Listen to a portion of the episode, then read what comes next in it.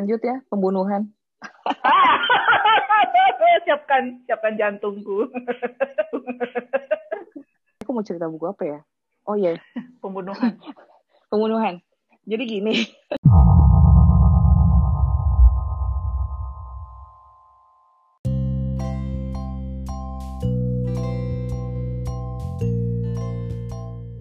Lanjut ya, pembunuhan.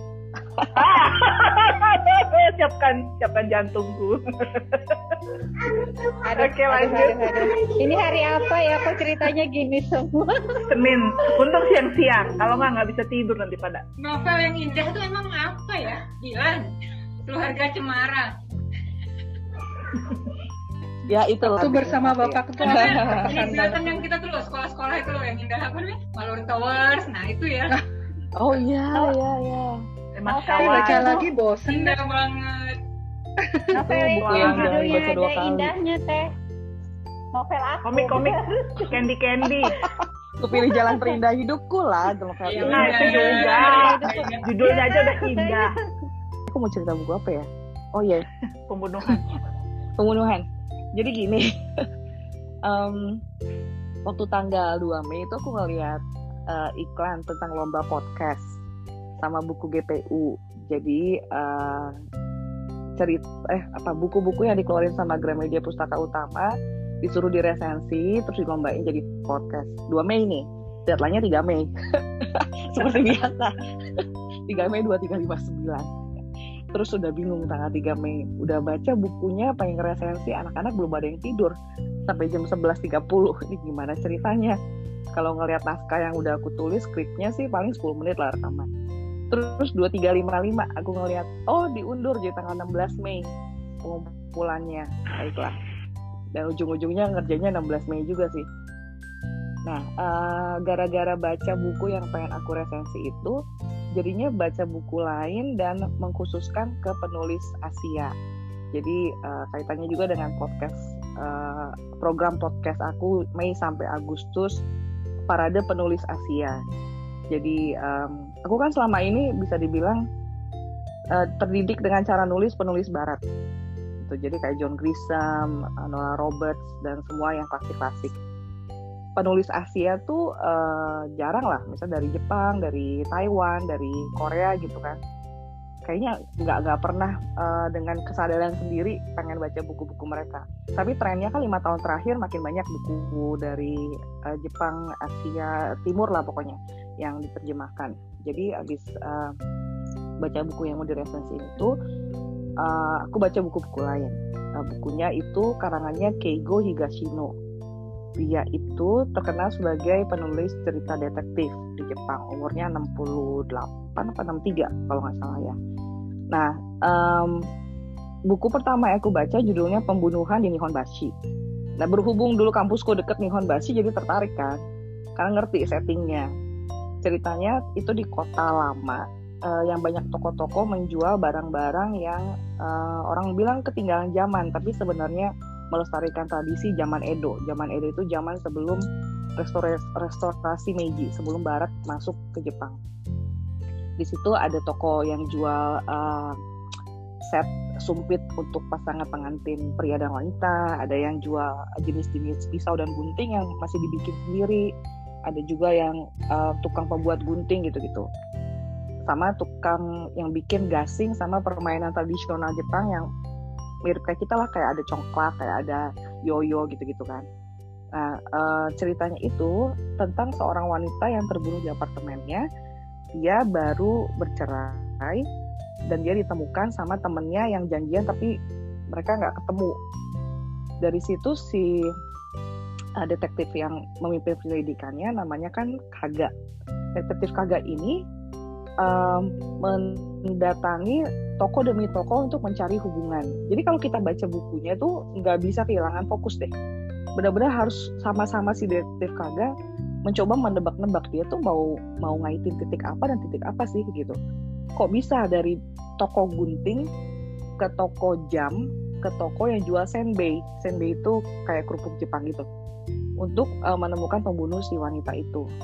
Bukunya sih 300 something lah. Dan em, yang aku pelajari dari situ adalah selain detektif cerita detektif Jepang yang aku baca cuma Conan gitu jadi uh, ini uh, kasih impresi yang beda dan dia beda banget sama cerita detektif dari Barat kalau dari Barat kan ya bisa kita pernah nonton CSI, Law and Order gitu kan. Itu kan banyak soal ngumpulin bukti pakai teknologi forensik gitu ya. Kalau ini enggak yang si detektif Kaga ini bener-bener cuma ngaitin uh, oh dia sangat berpegang sama timeline. Kalau kejadian ini jam segini uh, jam 3.30 misalnya 3.50 uh, nggak ada orang di sekitarnya atau jam 3.20 si korban baru ketemu siapa itu yang akan dimasukin daftar tersangka. Jadi dia sangat sangat personal gitu untuk uh, dapetin si tersangkanya dengan cara interview yang panjang dan dalam. Uh, nah sudah udah gitu. Eh apa yang tadi ya? Akhirnya ketemu kan si pembunuhnya uh, dengan alasan yang sebenarnya nggak nggak ini juga nggak muluk-muluk. Uh, si korbannya itu mau menagih uang yang ternyata digelapkan sama si pembunuhnya. Dan si pembunuhnya dalam keadaan panik pakai tali dari gasing untuk uh, mencekik sampai mati si korbannya gitu. Habis si buku itu aku baca buku keduanya catatan pembunuhan sang novelis. Lebih menarik lagi karena ceritanya si tersangkanya adalah novelis. Kalau penulis fiksi pasti ngerti deh. Kadang kita uh, saking menyelaminya, saking mencelupkan diri lah istilahnya apa, itu um, ada titik-titik di mana kita bingung yang mana yang kita sedang reka-reka sama yang sebenarnya sedang terjadi. Uh, sudut pandang di cerita itu di novel itu uh, dari sudut pandang si detektif Kaga sama sudut pandang pembunuhnya. Lucunya buku ini dari awal-awal udah dibilang tersangkanya dia, tapi hanya berdasarkan pengakuan di catatan. Jadi ngaku gitu surat pernyataan. Masalahnya bisa dipercaya nggak itu ya? Udah gitu si detektifnya itu pernah bekerja bersama si novelis yang uh, mengaku membunuh. Karena dia punya bias ya dia punya kecenderungan hormat sama seniornya. Jadi uh, catatan dia pun penyelidikan nggak bisa kita percaya gitu sebagai pembaca. Uh, novel itu tuh pinter banget untuk membuat kita tuh bertanya-tanya mana yang benar semuanya? Apa yang si detektif kagak tulis adalah impresi dia. Yang novelisnya tulis adalah pandangan dia sebenarnya kan nggak ada yang namanya kebenaran ya yang ada tuh hanya perspektif kata orang sih jadi uh, dan saya sebagai pembaca juga punya pendapat sendiri gitu tentang apa yang terjadi. Itu itu cerdas banget novelnya. Terus novel yang ketiga itu uh, keajaiban di toko kelontong Namiya. Itu um, banyak tentang time travel dan uh, apa namanya meramalkan masa depan terus mengambil keuntungan lewat saham segala macam sih jadi kurang kurang suka lah yang keempat, kesetiaan Mr. X. Dan itu juga dari 30 halaman terakhir udah langsung ketahuan. Ada pembunuhan, uh, pelakunya siapa, terus gimana caranya kabur. Sampai 300-an halaman gitu dibahas. Dan pada akhirnya setelah menamatkan empat buku itu dalam dua minggu, tau nggak, saya terserang rasa depresi loh. depresi bukan ceritanya, depresi karena menyadari saya tuh nggak ada apa-apanya loh kemampuan nulisnya dibanding Keigo Higashino. Itu down banget down banget yang sampai seharian tuh mutung gara-gara itu. Karena kalau ibaratnya Keigo itu Andromeda ya di jagat raya luar sana saya tuh seupil debu gitu. Itu sampai uh, eh, WA Kak Dwi untuk bilang aduh down banget ngerasa apalah hasil gue apalah kerjaan gue apalah tulisan gue jelek banget lah dibanding Keigo. Terus Kak Dwi tuh uh, bilang iya tiap orang ada tempatnya di dunia ini. Iya iya benar. Cuman please join my pity party gitu. Lagi-lagi mengasihani diri lah seharian itu. Tambah ada kabar nggak menang bidding? Jadi kan kayaknya udah jatuh ketimpa tangga penyep muka gara-gara chat gitu. Itu sih um, yang menarik dari penulis-penulis Asia selain Keigo Higashino terus ada lagi si Clarissa Gunawan mungkin ada yang pernah baca bukunya. Judulnya Rainbirds uh, dan ada buku keduanya The Perfect World of Miyako Sumida. Itu uh, jadi belajar banyak tentang gaya gaya menulis. Dan gaya menulis itu nggak lepas dari uh, latar belakang kultur memang. Kalau di buku-buku barat itu detail attention to detailnya kuat. Contohnya aja kayak Angels and Demons atau Da Vinci Code itu detail banget sampai kita benar-benar ngerasa kita di sebelahnya gitu kan. Kita ngelihat objek yang dimaksud sama si tokohnya. Tapi novel yang si Keigo Higashino sama si Clarissa Gunawan itu samar banget semuanya. Bahkan deskripsi fisik si tokoh utama pun nggak dibilangin. Misalnya kayak um, ada cewek kayaknya dia ngeliat aku dengan senyum menganggap aku tampan. Tapi nggak pernah dijelasin tampannya itu kenapa emang ya. Apakah karena hidungnya bangir apakah karena kulitnya pucat atau gitu nggak ada nggak dijelasin dia lebih uh, bertumpu sama dialog untuk memecahkan masalah dan bukan mengabaikan tapi nggak mementingkan detail-detail seperti lingkungan sekitar atau ciri fisik kayak gitu. Uh, mungkin juga backgroundnya karena kalau di barat variasi ciri fisik itu kan banyak. Rambut bisa hitam uh, brunette blonde segala macam. Uh, warna mata juga. Sedangkan kalau di Asia kan kurang lebih ya kita mirip gitu ya Asia Timur Asia Timur Asia Tenggara uh, rambut kita rata-rata hitam kecuali diwarnai khusus gitu. Dan warna mata juga antara coklat muda ke coklat tua. Jadi uh, mungkin itu juga salah satu uh, alasan kenapa dia tidak banyak mendetailkan uh, ciri fisik untuk menjelaskan peran dari setiap karakter terhadap alurnya. Udah kurang lebih gitu deh dan masih down sampai sekarang. Mau nanya dong, Rijo tadi yang bikin Rijo bilang Cuma, apa? Keigo yeah. tuh bagus gitu ya. Itu apanya Rijo? Ya. Aku kan udah baca banyak cerita detektif ya Mbak. Mulai dari yang detektif uh, uh, yang memang berprofesi detektif kayak Sherlock Holmes atau kayak yang ceritanya Agatha Christie, Hercules Poirot gitu ya, atau kayak di Mary Higgins Clark itu semuanya kan cerita thriller, suspense tentang pembunuhan yang nggak um, disengaja, bukan nggak disengaja, nggak direncanakan gitu di kasus-kasus yang nggak direncanakan. Nah, yang aku bikin aku tertarik sama si Keigo itu pertama uh, milih buku yang pertama yang pembunuhan di Nihonbashi cuma karena aku tahu tempatnya pertama. Tapi menarik banget karena ngikutin perjalanan dia untuk mencari dari toko ke toko untuk menemukan alasan si wanita itu terbunuh. Karena di, sebelum dia meninggal dia ada di sekitaran toko itu. Di sekitaran kawasan toko itu. Dan di kota tua tempat toko-toko itu nggak ada CCTV jadi orang sangat bergantung sama pengamatan. Nah waktu dia menuliskan pengamatan itu aku merasa belajar um, cara mengamati yang uh, cara mengamati dan cara melupakan gitu misalnya ya ada salah satu saksi mata yang bilang si ini pakai jas warna abu-abu.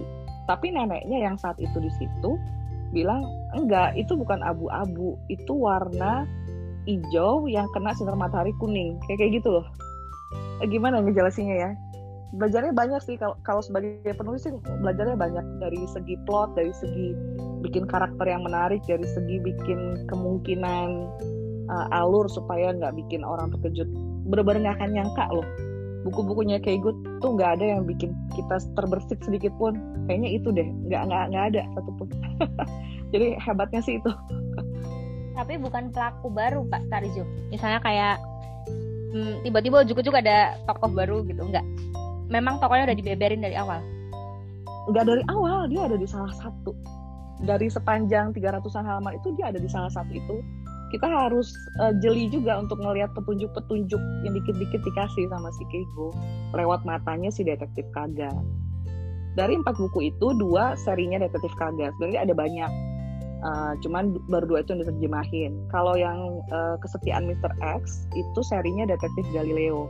Dia ini seorang profesor di bidang uh, fisika uh, di sebuah universitas yang sering dimintai polisi untuk konsultasi kasus kayak gitu. Kalau yang satu lagi keset, uh, keajaiban di toko kelontong Namia itu sama sekali nggak ada ininya sih kaitannya dengan polisi kejahatan gitu. Dia lebih ke gimana kalau kamu mengubah masa lalu masa depannya gimana dan uh, back and forth antara yaitu mengubah dan tetap dengan keputusan sekarang demi kebaikan lebih banyak orang atau gitu menarik sih menarik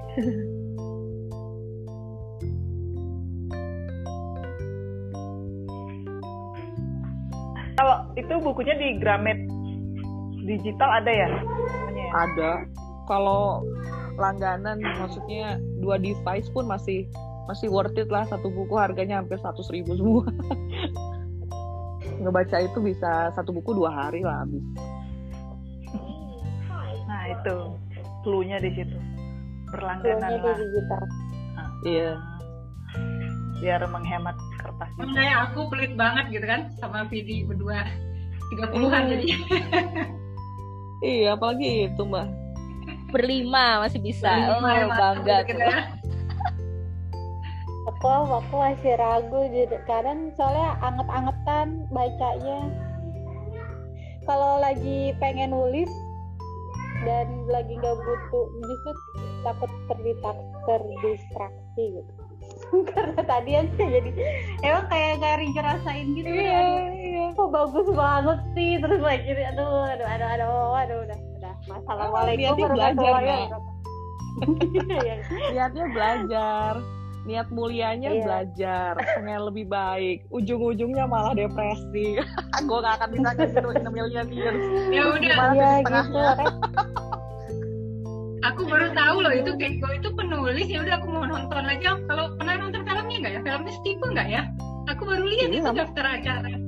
Di waku-waku nggak tahu bentuknya kayak apa.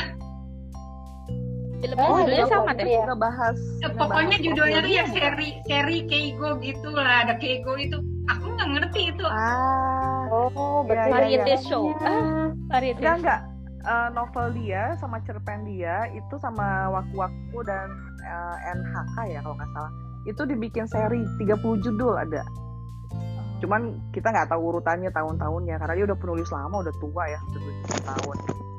Di waku-waku cerita pendeknya ya atau apa mbak? Setipe Nggak tahu, Marie Kondo ya, Teh, coba nanti aku mulai ikuti makanya aku nggak terlalu tertarik nonton film detektif misalnya kan tapi kalau ceritanya kayak Iya. gitu kita lihat sebelum Iya. baca bukunya jadi tahu kalau itu tuh sebenarnya nama penulis kupikir nama apa nama detek atau film seri apalah gitu nggak ngerti gitu. Nama acaranya kirain ya. Ah, ah, Oh, ya. gitu. Cuma kalau nontonnya harus sabar sih sama seperti bacanya.